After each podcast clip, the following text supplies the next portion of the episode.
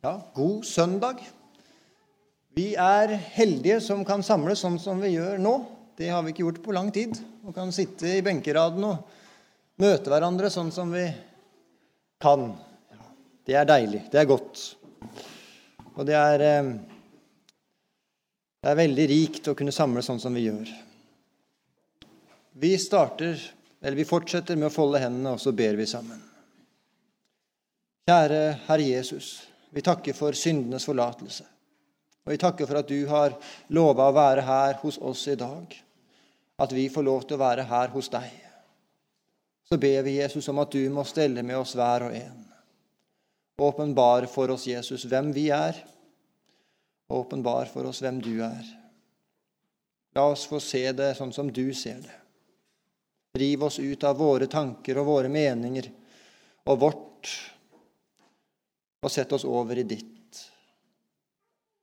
Så ber vi Jesus om at du må gi meg ord å gå med, oss alle sammen ører å høre med, sånn at det kan bli oss til evig frelse. Amen. Teksten vi skal stanse ved i dag, er dagens tekst fra de gamle tekstrekkene. Den står i Markus 12, vers 28 til 34. Markus 12, 28 til 34.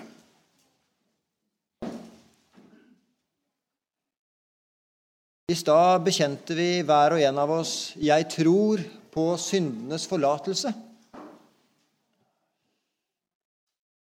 Det er det veldig rikt å kunne si høyt 'Jeg tror på syndenes forlatelse'. Syndenes forlatelse det er noe du jeg ikke kan se. Det er noe du og jeg ikke kan ta på. Det er noe du og jeg ikke kan erfare sånn som vi erfarer veldig mange andre ting. Men jeg tror den. Ikke som tror i noe usikkert, men som noe som er fastere enn alt. Fordi det er den allmektige Gud, som vi hørte om til åpning, som står bak det løftet. Jeg tror syndenes forlatelse. Det er han som står inne for det. Det er han som har lova det. Og så kan du frimodig framsi 'Jeg tror på syndenes forlatelse'. Er født på ny. Hvis du har fått med Gud å gjøre. Hvis du har fått bytte synd med nåde, så er syndenes forlatelse din. Jeg tror på syndenes forlatelse. Det er vel verdt å møtes bare for å kunne bekjenne 'Jeg tror på syndenes forlatelse'. Markus 12, 28-34. En av de skriftlærde som hadde hørt på ordskiftet og forsto at Jesus hadde svart dem godt, kom da bort til ham og spurte, 'Hva er det første av alle bud?' Jesus svarte, 'Dette er det første av alle bud. Hør, Israel, Herren vår Gud, Herren er én.' Og du skal elske Herren din Gud av hele ditt hjerte og av hele din sjel og av all din fornuft og av all din makt. Dette er det første bud.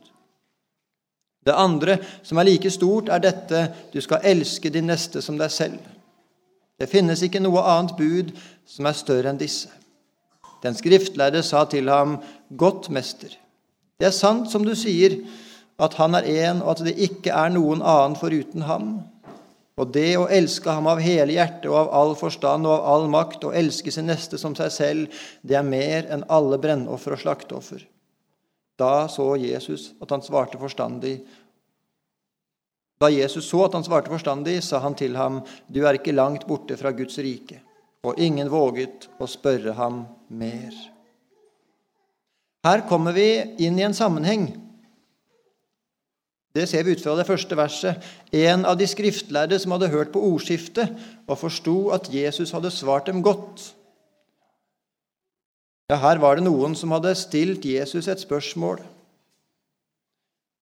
Det står at de var sadokere, en gruppe som ikke trodde på oppstandelsen.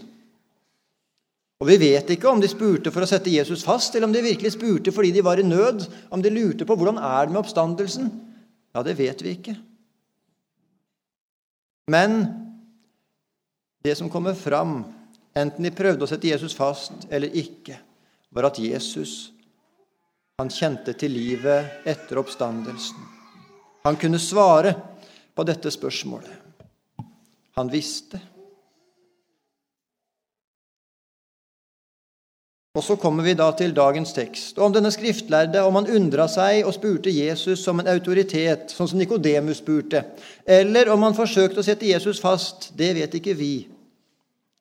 Men det vi vet, fordi Jesus har sagt det, det er at denne mannen, han står utenfor Guds rike. Selv om han ønska det av hele sitt hjerte. Han var ikke kommet igjennom til liv i Gud. Og Av det så erfarer vi det at det handler ikke om hans vilje, for vilje hadde han. Det handler egentlig ikke om hans innsats heller, for innsats hadde han virkelig.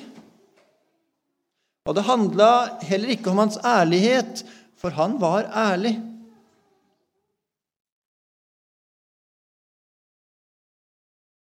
Problemet var dypere enn som så. Han forsto ikke hva som egentlig var problemet. Han gjorde alt han kunne. Han var altså ærlig, trofast. Han kjempa mot synden. Han bekjempte sin synd. Han holdt budene av hjertet så langt det var mulig. Og så var han likevel utenfor. Hva var hans problem? Jo, hele hans gudsforhold, det handla om han selv. Det var han som var ærlig, det var han som var trofast, det var han som kjempet mot synden. Det var han som gjorde alt han kunne. Hele hans gudsforhold hadde sin kilde i han selv. Overskriften i dag er 'Hvilken kilde drikker du av?' Hva er din kilde?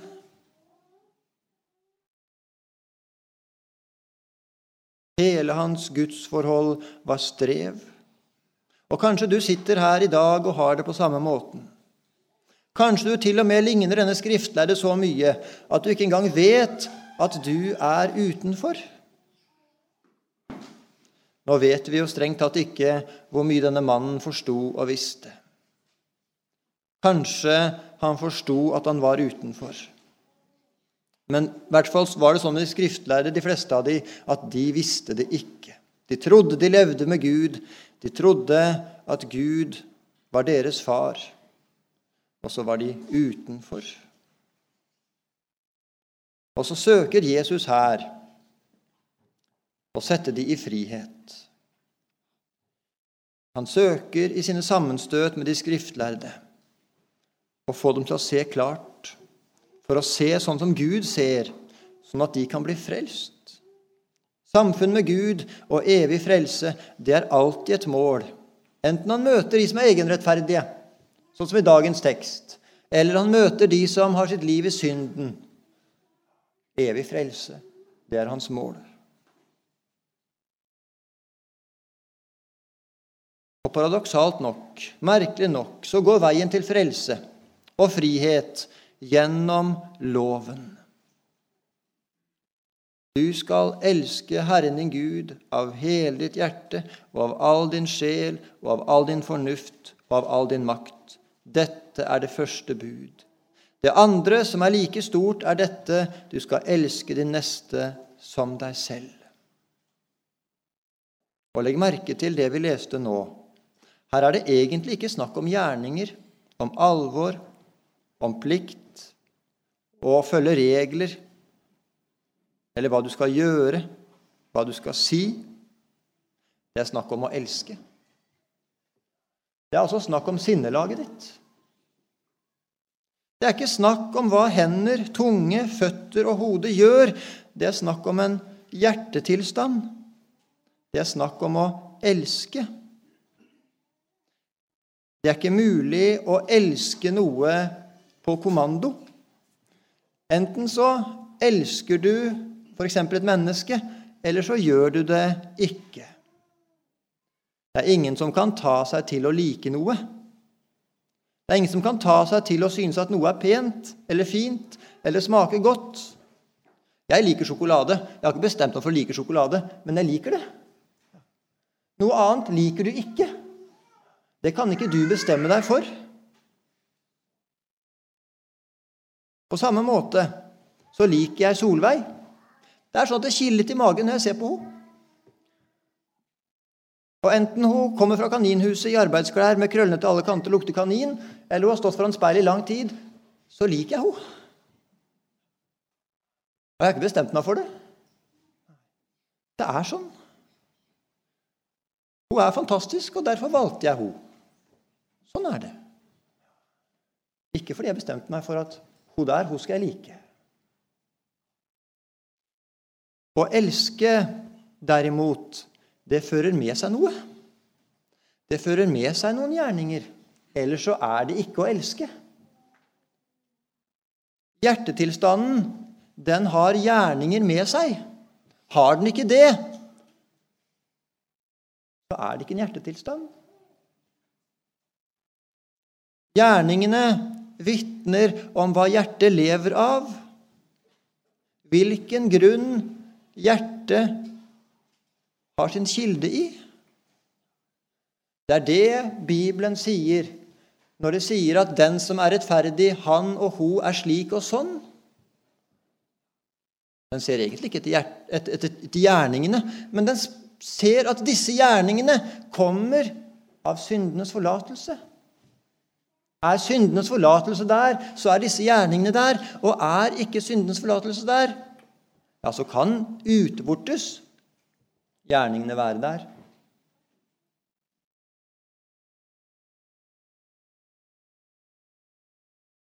Men det er noen gjerninger som vitner om hva hjertet lever av. Her ser vi at Jesus snakker om å elske Gud. Det kan bare en synder som er tilgitt sin synd, gjøre. Det kan bare den som det har gått helt i stykker for, og som er utenfor Guds rike i seg, og som har fått møte Gud i all Guds hellighet, all Guds vrede over synden, og hatt et oppgjør med synden her i tiden. Han elsker Gud. Ikke av frykt, ikke fordi at jeg skal behøve å være redd for Gud. Nei, som vi hørte til åpning, Gud er min far. Han har tilgitt meg mine synder. Jeg fortjener det ikke. Hadde Gud skulle sett til meg her i dette øyeblikk, så hadde det vært evig fortapelse hvis det var ut fra meg, og aldri noe annet.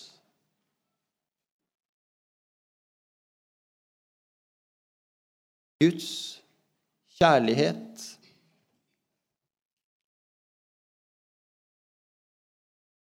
Den viser seg i at Han har gitt oss sine bud. Og din kjærlighet til Gud, du som er en kristen, den viser seg i at du holder budene. Og for en kristen så er det å holde budene altså ha sin glede i budene. Ha sin glede i budene. Det er ikke en vanskelig sak for en kristen. Og det å frykte synden er heller ikke en vanskelig sak for en kristen. For du har fått et nytt hjerte. Ja. Som sørger over at du er en synder, og som gleder deg over at din synd er forlatt, og at du skal få lov til å gjøre det som er godt.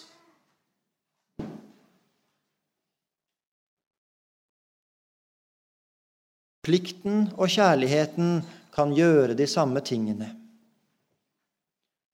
Denne skriftlærde han forsto plikten. Plikten og kjærligheten kan gjøre de samme gjerningene, kan si de samme orda, kan smile nesten de samme smila, men kilden er ulik. Så skal vi ikke snakke vekk plikt. Plikt er en god ting. Det er en sterk kilde. Og du trenger å kjenne på den når arbeid skal gjøres, når løfter skal holdes, når avtaler er inngått, og det kanskje koster litt, og gjøre det som du har lova. Plikt er en god ting. Og Hvis det er sånn at jeg har en avtale med noen, og jeg kommer 15 minutter for seint, så har jeg stjålet 15 minutter fra en annen. Og kanskje vi ikke rekker det vi skulle rekke. Plikt, det er en god ting. Pliktfølelse, det er sunt, rett og byggende i alle menneskers liv. Men hvis det er plikten som er kilden i ditt kristenliv, hvis det er plikten som er kilden i ditt samliv med menneskene rundt deg, og ikke kjærligheten, da blir det tungt. Kjærlighet, derimot, det gjør arbeid og samliv til en glede. Det arbeidet som du gleder deg over, det er nettopp en glede. Jeg var i en hage før helga, og jeg kjenner hun som har laga den, og derfor kan jeg si det jeg sier. Det er tydelig at hun hadde glede over å ha jobbet i den hagen. Det var ikke fordi det var hennes plikt å jobbe der, at den var fin. Det var ikke fordi hun hadde en, en plikt hun skulle ha gjort det her. Derfor blomstra det frodig i hennes hage. Nei, hun kosa seg med det. Hun var flink til å sette av tid. Hun har tre små barn. Hun var flink til å sette av tid, prioritere det og velge, for hun hadde lyst til det. Hun hadde lyst til å grave denne hagen, lyst til å plante en staude, flytte den derfra til dit, dele noen løker og sette de der. Hun hadde glede av det. Det var ikke noe plikt. Hun så fram til at hun skulle få lov til å komme til denne hagen og grave i den. Ingen hadde fortalt at hun burde gjøre det. Hun hadde sin glede i det.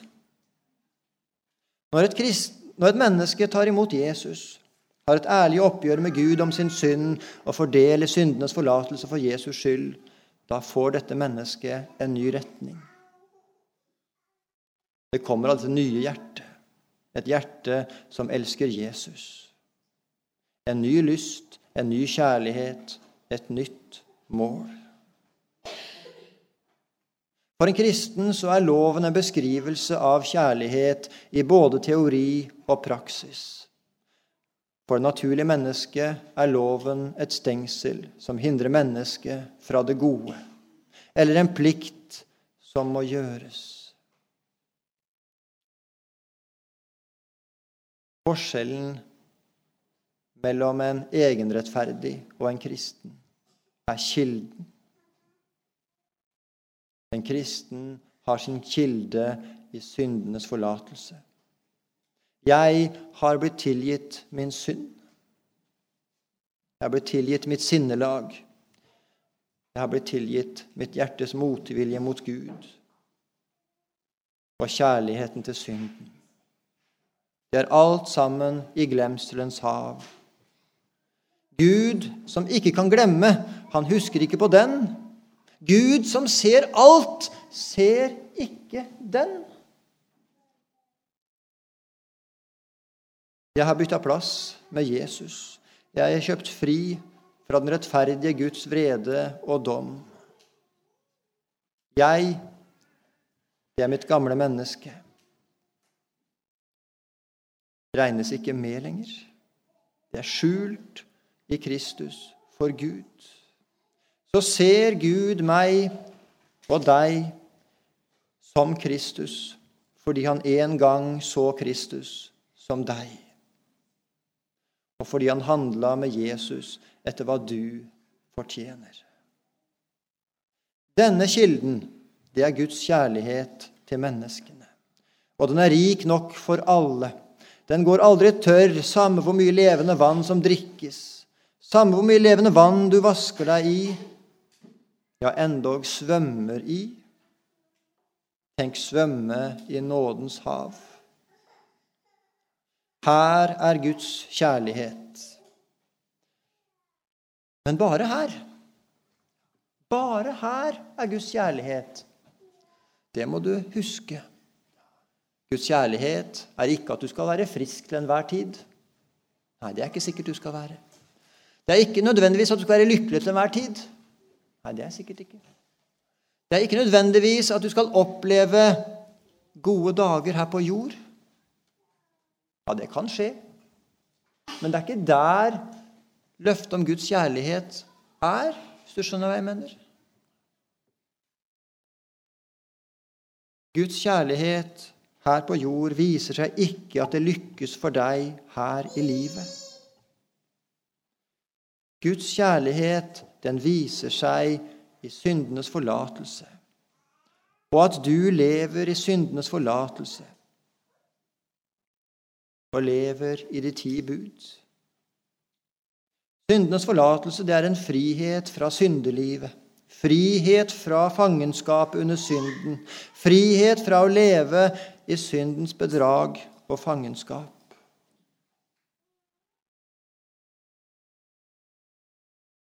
For det gjenfødte livet så er nåden stedet hvor jeg blir fri fra min synd. Men for det gamle mennesket så er nåden en anledning til å bli i synden. Og du, du bærer på det gamle mennesket. Det gamle mennesket syns det er helt greit med synden. Ja, enda verre, det har synden som sitt mål og sin retning. Og synden er ikke så farlig, for det er bare å gå til nåden. Det sier det gamle mennesket.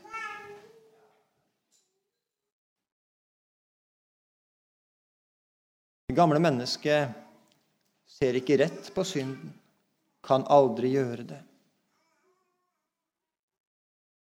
Kjødet har to jeg vet ikke hvilket uttrykk vi skal bruke om det. To sider eller to varianter. Det er livet i synden og ugudeligheten på den ene siden. Og den andre siden er egenrettferdigheten. At jeg må ta meg sammen. At jeg må gjøre det ene eller det andre. Ellers så kan jeg ikke være en kristen. Det er noe ved meg som gjør at Gud ser til meg i nåde. Det er noe med mitt alvor, det er noe med min omvendelse, det er noe med min kamp. Og jeg tenker det er noen her i dag som har sin kristendom i sin kamp. Som har sin kristendom i at de skulle seire mer i sitt liv. At det skulle vært annerledes. Men det er det ikke. Det er egenrettferdigheten. Men vi kommer snart til en kur for den. Du må være klar, du som er en kristen, over at du bærer på et kjød som gjerne taler syndens sak, altså. Som gjerne vil bruke syndenes forlatelse til å bli i synden.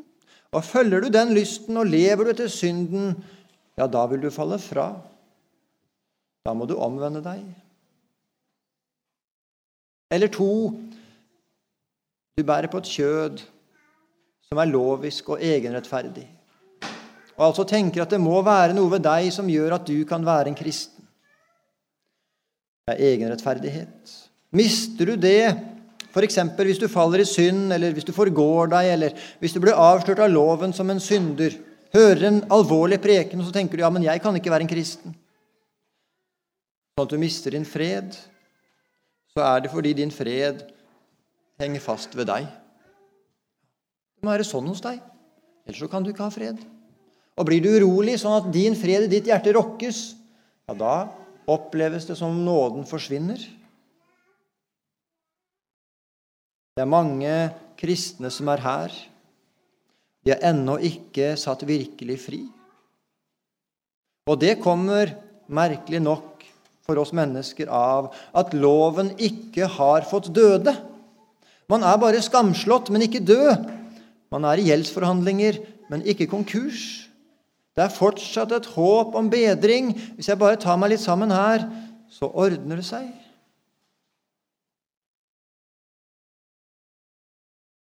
Det er vondt å ha det sånn. For en kristen som er fri, derimot, i sin samvittighet, fri fra loviskhet, så er det vondt når loven viser at han er en synder igjen, fordi synden er en lidelse. Men det er ingen overraskelse.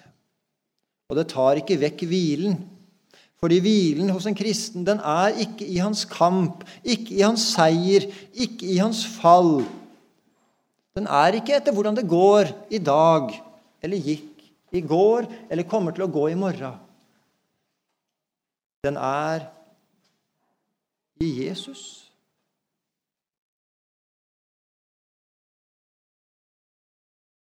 I livet i Jesus. Der er freden. Fordi den henger fast ved Jesus. Kilden er Jesus, og retningen er syndenes forlatelse og evige frelse. Ja, Vil ikke det føre da til at et menneske omgås lett med syndenes forlatelse? Jo, kjødet gjør det. Men nå snakker vi ikke om kjødet, nå snakker vi om det gjenfødte livet. Og det gjenfødte livet tar aldri lett på syndenes forlatelse. Men kjødet gjør det. Ja, det gjør det. Derfor skal kjødet ikke få rom. Han, en kristen som er satt fri fra loviskhet, han er ved loven død for loven. Så når loven kommer og anklager en kristen som er fri, og sier at ja, men du er ikke som du skulle være, ja, det er helt rett, det. Det er helt sant. Det er ikke som jeg skulle være, jeg. Men det har én fortalt meg allerede. Så kommer loven og sier du skulle vært annerledes, du. Ja, det er helt rett, det jo. Det er ikke noe jeg sørger mer over enn det. Men det har jeg også fått gjort opp. Alt er gjort opp. Alt er bytta. Det er ikke noe uoppgjort mellom meg og min Gud.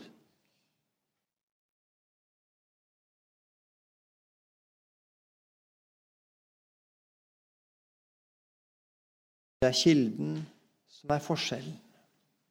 En kristen har Jesus som sin kilde.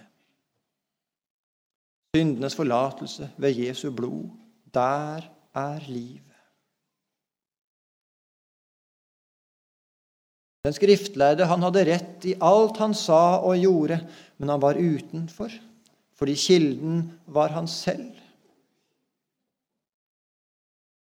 Og så er det sånn at selv om den, noen står i fare for å misbruke evangeliet til å bli værende i synden, så må vi ikke la være å forkynne evangeliet. Og selv om noen står i fare for å bli bundet av loven når vi forkynner loven, så må vi ikke la være å forkynne loven heller. For begge to må få lov til å lyde. Helt og fullt. Loven må få drepe og slå i hjel og overbevise om at 'jeg kan ikke stå for Gud'. Og evangeliet må kunne frigjøre en stakkars synder som aldri blir annerledes.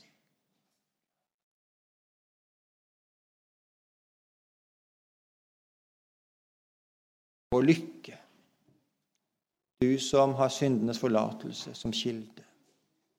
Og ulykke, du som har denne verden og dens gaver som din kilde.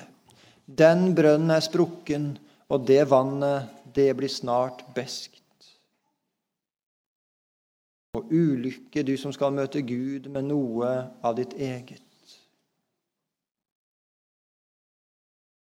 Og hør, du som har ditt liv i Gud, i deg, og din kamp og dine seire og dine tap. Der er det tungt å være. Men det er et fristed for en synder som deg. Der er det åpent 24-7. Og det er Jesu fang. Der kan du få krype opp og sette deg. Der er det ly. Der kan du få lov til å brette ut ditt hjerte og fortelle hvordan det står til med din kristendom. Og så kan du få bytte synd med nåde. Da jeg var gutt, så var pappa og jeg av og til i kirken. Og kirkebenken den var hard og kald. Og prekenen den var, syns i jeg den var lang og kjedelig. Men jeg hadde et varmt fang å krype opp på. Og så var jeg så liten at jeg kunne krype inn i pappas åpne jakke og så kunne jeg dra opp glidelåsen. Der var det varmt. Det var varmt, og så var det mykt. Og så kunne jeg legge øret mitt inntil pappas hjerte. Og så kunne jeg høre tudunk, tudunk, tudunk, tudunk. Så kunne jeg høre et faderhjerte. Og så visste jeg at han hadde, I den jakka si hadde han en, en innerlomme. Og Så kunne jeg åpne innerlomma hans, og så oppi der lommeboka hans, og så lå det en kulepenn.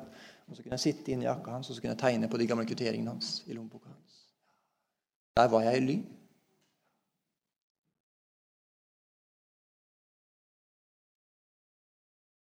Der kunne jeg sitte og kjenne et faderhjerte. Og sånn er det for den synder som Gud har fått vise at synden er ikke en teori. Den er blodrød. Den er levende. Og den herjer, og den ødelegger. Og den er sterkere enn meg. Der er det et skjulested for en synder som deg. så må vi søke dit hvor ordet kan få åpenbare synden for oss. Så den ikke bare er en teori, altså. Ikke bare noe vi kan, noe som er levende. Og som kan åpenbare at det er et sted å gå med synden. Et sted hvor det er en fremmed rettferdighet som du og jeg kan få ta tilflukt til. En synder kan få fred. Kjære Herre Jesus, vi takker for syndenes forlatelse. Så ber vi Jesus for hver og en av oss. Ta det av oss, du. At det kan bli de rette orda som kan bli åpenbart for hver og en av oss. Så takker for at du har omsorg for syndere som oss. At du ikke gir opp, at du søker å frelse. Og så ber vi om at du må holde oss nær til deg. Sånn at ingen av oss lar oss lure av synden, verden og vårt eget hjerte, men at vi blir hos deg. Amen.